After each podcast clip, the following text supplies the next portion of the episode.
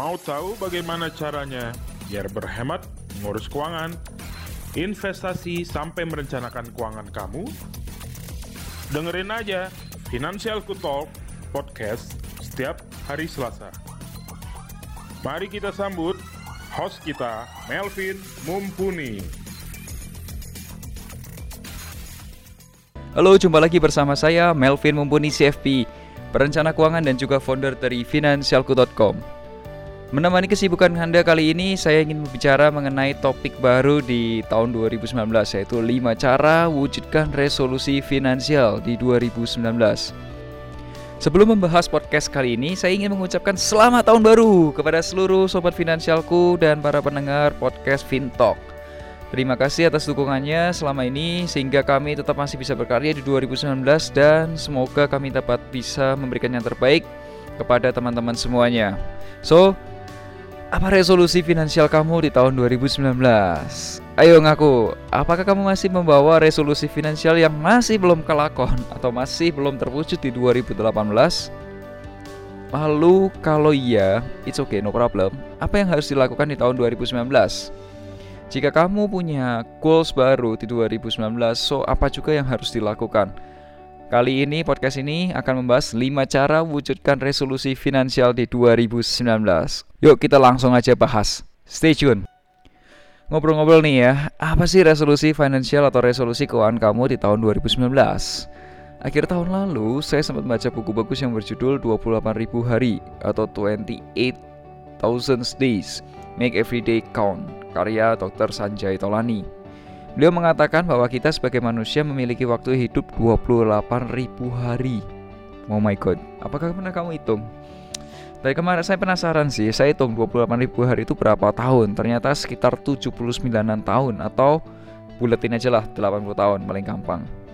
Nah, Dr. Sanjay Tolani ini membagi 80 tahun itu menjadi empat bagian sama besar. Ibaratnya sebuah lingkaran dibagi empat bagian sama besar.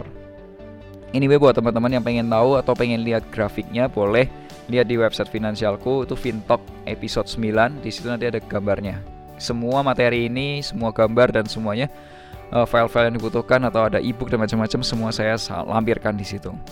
Nah, dari empat kuadran itu yang pertama adalah kuadran usia 0 sampai 20 tahun. Itu adalah usia di mana kita fasenya itu belajar, bermain dan kadang-kadang mulai nakal. Is it true? Kemudian di kuadran kedua itu ada usia 21 sampai 40. Usia di mana kita udah mulai lulus kuliah, udah mulai kerja atau mulai bisnis pertama kita. Pertama kali kita mungkin masuk dunia kerja, punya penghasilan, pergi berlibur ke luar negeri, beli gadget pertama atau smartphone pertama dengan pakai uang sendiri, kemudian beli mobil pertama, sampai pada satu waktu udah mulai menyiapkan DP rumah atau apartemen, punya udah menikah, punya anak pertama dan nyiapin pendidikan anak. Paling nggak mungkin anaknya usia SD mungkin ya kalau usia 40-an. Kemudian masuk di kuadran ketiga, kuadran 41 sampai 60. Usia 41 sampai usia 60 usia itu di mana kita akan mulai mapan. Mungkin mungkin ya kita akan mulai masuk ke kerjaan kedua atau kerjaan ketiga kita. Melamar di tempat yang baru atau kita mulai bisnis baru. Mungkin juga anaknya lebih dari satu dan ada beberapa anak yang sudah masuk ke SMA atau bahkan kuliah. Nah, di kuadran keempat, kuadran terakhir itu adalah kuadran usia 61 sampai 80 tahun. Di mana kita semua akan pensiun. Nah, masa-masa ini adalah masa-masa yang penuh kekhawatiran. Nanti gimana ya saya hidup ya? Dari mana ya sumber pemasukan saya? Terus belum lagi nih lihat nih. Ini anak-anak kayaknya masih anak-anak saya masih ada di kuadran kedua nih. Masih belum mapan secara finansial. Kayaknya saya perlu bantu ya, tapi uang dari mana ya? So itu tadi empat kuadran utama yang manusia gitu terhadap manusia, usia dan uang. Dan kalau kamu sekarang masih di kuadran kedua, di usia 21 sampai 40 tahun, maka kamu sudah tahu nih derita atau concern utama orang tua yang berada di kuadran 4. Oke. Jadi kalau kembali lagi pertanyaan saya, apa resolusi finansial kamu di tahun 2019? Silahkan share pendapat kamu pada kolom komentar di bawah ini atau di artikel finansialku yaitu Fintalk di website finansialku.com. Berdasarkan empat kuadran tersebut, kamu ada di kuadran mana dan apa resolusi finansialmu di 2019. Setelah menjawab pertanyaan tersebut, kita akan lanjut ke pertanyaan berikutnya. Apa pun resolusi finansial kamu, pastinya butuh uang untuk mewujudkannya. Benar nggak? Lalu pertanyaannya uang dari mana?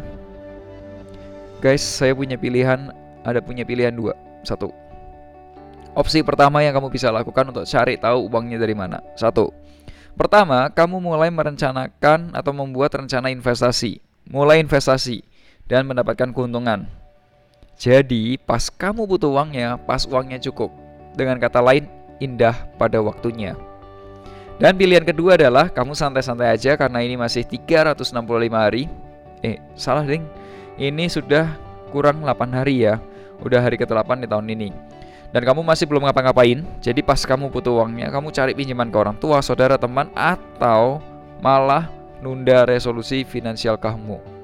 Jadi resolusi finansial 2018 dibawa ke 2019, dibawa lagi nanti ke 2020 dan seterusnya. Dengan kata lain, pada waktunya ya sudahlah. Jadi geng, kamu pilih yang mana? Kamu pilih opsi satu indah pada waktunya atau pilih opsi kedua? Pada waktunya iya sudahlah. Jadi jika jalannya udah enggak ya enggak apa-apa. Jadi kamu pilih mana? Kalau kamu pilih yang nomor satu indah pada waktunya, so berikutnya saya akan bahas 5 cara wujudkan resolusi finansial kamu di 2019. Oke, saya akan bahas bagaimana caranya agar kamu dapat secepatnya mewujudkan resolusi finansial kamu di 2019. Sebelum masuk ke penjelasan, kamu dapat melihat ilustrasi di Instagram saya @melvinmumpuni atau @finansialku_com karena saya akan share 5 tips untuk memegang kendali keuangan kamu dan cara wujudkan resolusi finansial di tahun 2019. Yang pertama, kamu harus punya yang namanya anggaran atau budgeting. Oke, hal pertama yang harus wajib kamu miliki adalah anggaran. Kalau kamu punya anggaran, maka kamu dapat memegang 100% kontrol atas keuangan kamu. Kamu tidak perlu lagi repot memusingkan, boleh nggak ya belanja ini? Boleh nggak ya ganti tas tahun ini? Berapa banyak kali ganti tas? Boleh nggak ya makan di resto? Berapa kali? Nah, Bagaimana caranya membuat anggaran? Sebenarnya gampang aja, kamu cukup butuh kertas, pen, dan kalkulator. Bikin list pengeluaran bulanan kamu, mulai dari penghasilan ke karena pajak, donasi, investasi, bayar premi, asuransi, bayar cicilan buat hidup dan lainnya. Kalau kamu mau lebih gampang, tinggal buka Google Play Store dan download aplikasi Finansialku. Nah, pada menu dashboard ada tulisan anggaran. Tugas kamu cukup satu, isi aja sesuai urutannya. Dan di save. That's it. Dan yang kedua, pertama, setelah kamu punya anggaran, anggaran itu nggak akan jalan kalau kamu nggak punya yang namanya catatan keuangan. Jadi langkah kedua adalah kamu harus punya, setelah kamu download aplikasi finansial, kamu harus pakai yang namanya menu rekeningku dan mulai mencatat keuangan. Apa manfaatnya? Manfaat terbesar adalah kamu dapat mengetahui ke mana uang kamu pergi. Jadi nggak misterius uang kamu perginya ke mana. Kamu bisa track tuh bagian apa aja yang membuat jebol tabungan kamu atau investasi kamu. Nah, kalau kamu pengen tahu gimana cara makainya, silahkan akses uh, website kami atau artikel kami di Fintalk episode 9 di website finansialku.com. Di situ akan ada panduan gimana caranya mencatat, ada video panduannya. Dan yang ketiga, berhubungan langsung dengan financial goals atau berhubungan dengan resolusi finansial yaitu gimana caranya mengenali atau bicara gimana caranya mewujudkannya.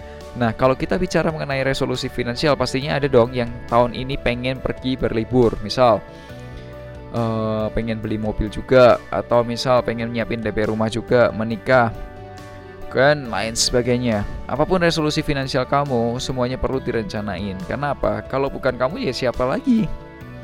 Kalau bukan sekarang ya mau nunggu kapan lagi? So jadi langkah yang harus kamu lakukan adalah pertama buat rencana keuangan. Gampang kok di aplikasi Finansialku tuh ada bagian menu namanya Tanya Perencana Keuangan. Nah, kamu dapat mulai merencanakan dana darurat, beli barang, dana beli rumah, kendaraan, pendidikan, dan hari tua, dan lain sebagainya. So, kalau kamu pengen ikut lihat panduannya, silahkan lihat di panduannya. Tetap di uh, website artikel Finansialku Fintalk episode 9. Di situ ada penjelasannya. Dan yang terakhir, setelah kamu punya plan, ini yang paling enak nih. Setelah kamu punya plan, kamu nggak bisa dong tiba-tiba terwujud planmu, kamu harus bekerja dong. Rencana doang nggak akan membuat indah pada waktunya. Kamu perlu yang namanya berusaha. Salah satu caranya ya cari penghasilan tambahan dan mulai berinvestasi. Sebagai pemula, ada banyak pilihan produk investasi yang bisa kamu ikutin. Kamu dapat mulai berinvestasi reksadana, peer-to-peer lending, atau juga nabung saham. Tapi kan ada risikonya kalau investasi itu. Jawabannya iya. Ya, betul. Yes, betul. True. Semua investasi mengandung potensi risiko. Sayangnya, jika kamu diem diri, nggak ngapa-ngapain, itu 100% risiko sudah kena ke kamu yaitu tujuannya kamu nanti ya ya udahlah pada akhirnya ya udahlah gitu so mana risiko yang kamu mau pilih nah untuk ngurangin risiko investasi maka kamu perlu yang namanya belajar terlebih dahulu. Saya tahu pasti kamu mikir ah suruh beli buku nih. Enggak enggak enggak enggak jadi gini kalau kamu mau belajar tentang reksadana silahkan download aja gratis kok. Itu ada ebook reksadana untuk pemula di uh, website finansialku Fintalk episode 9 kamu download gratis gratis beneran gratis. Nah kalau kamu mau lanjutinnya nanti saya bahas di kursus online atau webinar reksadana di Facebook group. Itu nanti kalau kamu tahu lanjutannya. Tapi kalau mau tahu yang basic silakan aja dulu pakai ebooknya. Oke kelima kamu bisa cari teman diskusi. Kamu perlu orang yang dapat menjadi teman curhat atau menguasai keuangan. Dan untungnya kamu cukup bayar 350.000 per tahun untuk dapat ngobrol sama perencana keuangan. Kelihatan gede ya? Enggak sih, sebenarnya gini, coba deh pikir. Untuk rokok 500 ribu per bulan saja bisa. Untuk untuk sebuah kopi kurang lebih 300 sampai 400 ribu per bulan aja bisa. Kok untuk ngurus keuangan kamu selama setahun dengan harga 350 ribu aja masih mikir. That's the way thing. So, apa itu perencana keuangan? Sebenarnya gini, intinya perencana keuangan itu bantu kamu untuk wujudkan tujuan keuangan kamu.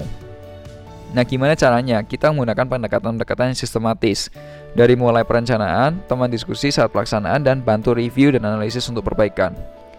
Gak kerasa saya sudah ngobrol cukup panjang, so jangan sampai kamu masih diam aja dan tidak melakukan apa-apa. Jadi kesimpulan kita di episode kali ini, 5 cara wujudkan resolusi finansial di 2019 adalah satu, Punya anggaran atau budgeting Kedua, punya catatan keuangan Ketiga, mulai membuat rencana keuangan Keempat, mulai berinvestasi. Dan kelima, jangan ragu untuk diskusi dengan perencana keuangan. Terima kasih sudah mendengarkan podcast kali ini. Semoga podcast kali ini dapat bermanfaat buat kamu. Sebelum menutupnya, saya ingin setelah mendengar podcast episode kali ini, kamu langsung buat anggaran untuk Januari 2019. Start dari situ. Buat anggaran untuk Januari 2019. Oh iya di tahun ini 2019 Finansialku.com akan memiliki banyak agenda seperti kita akan menerbitkan buku pertama kita. Yeay. Event offline dan online kita ada di beberapa kota dan termasuk di luar kota Jakarta dan Bandung. Terus kemudian kita juga ada beberapa event online itu ngobrolin tentang webin apa webinar tentang investasi atau apa pun itu termasuk juga ada IG live yang sering akan IG live dan ngundang beberapa teman-teman juga. So itu akan excited sekali So guys, uh, juga termasuk dari aplikasi kita akan banyak upgrade di aplikasi Finansialku. So kalau kamu ada pertanyaan keuangan, kamu boleh tanya lewat menu tanya perencana keuangan di aplikasi Finansialku. Jangan jangan lupa juga kalau kamu mau punya curhatan tentang keuangan, boleh juga share curhat kamu di tanya perencana keuangan. Jangan lupa kasih hashtag curhat podcast karena saya akan jawab di episode selanjutnya. Oke, Semoga di tahun 2019 seluruh resolusi finansial kamu dapat terwujud dan akhir kata make a plan and get your financial dreams come true.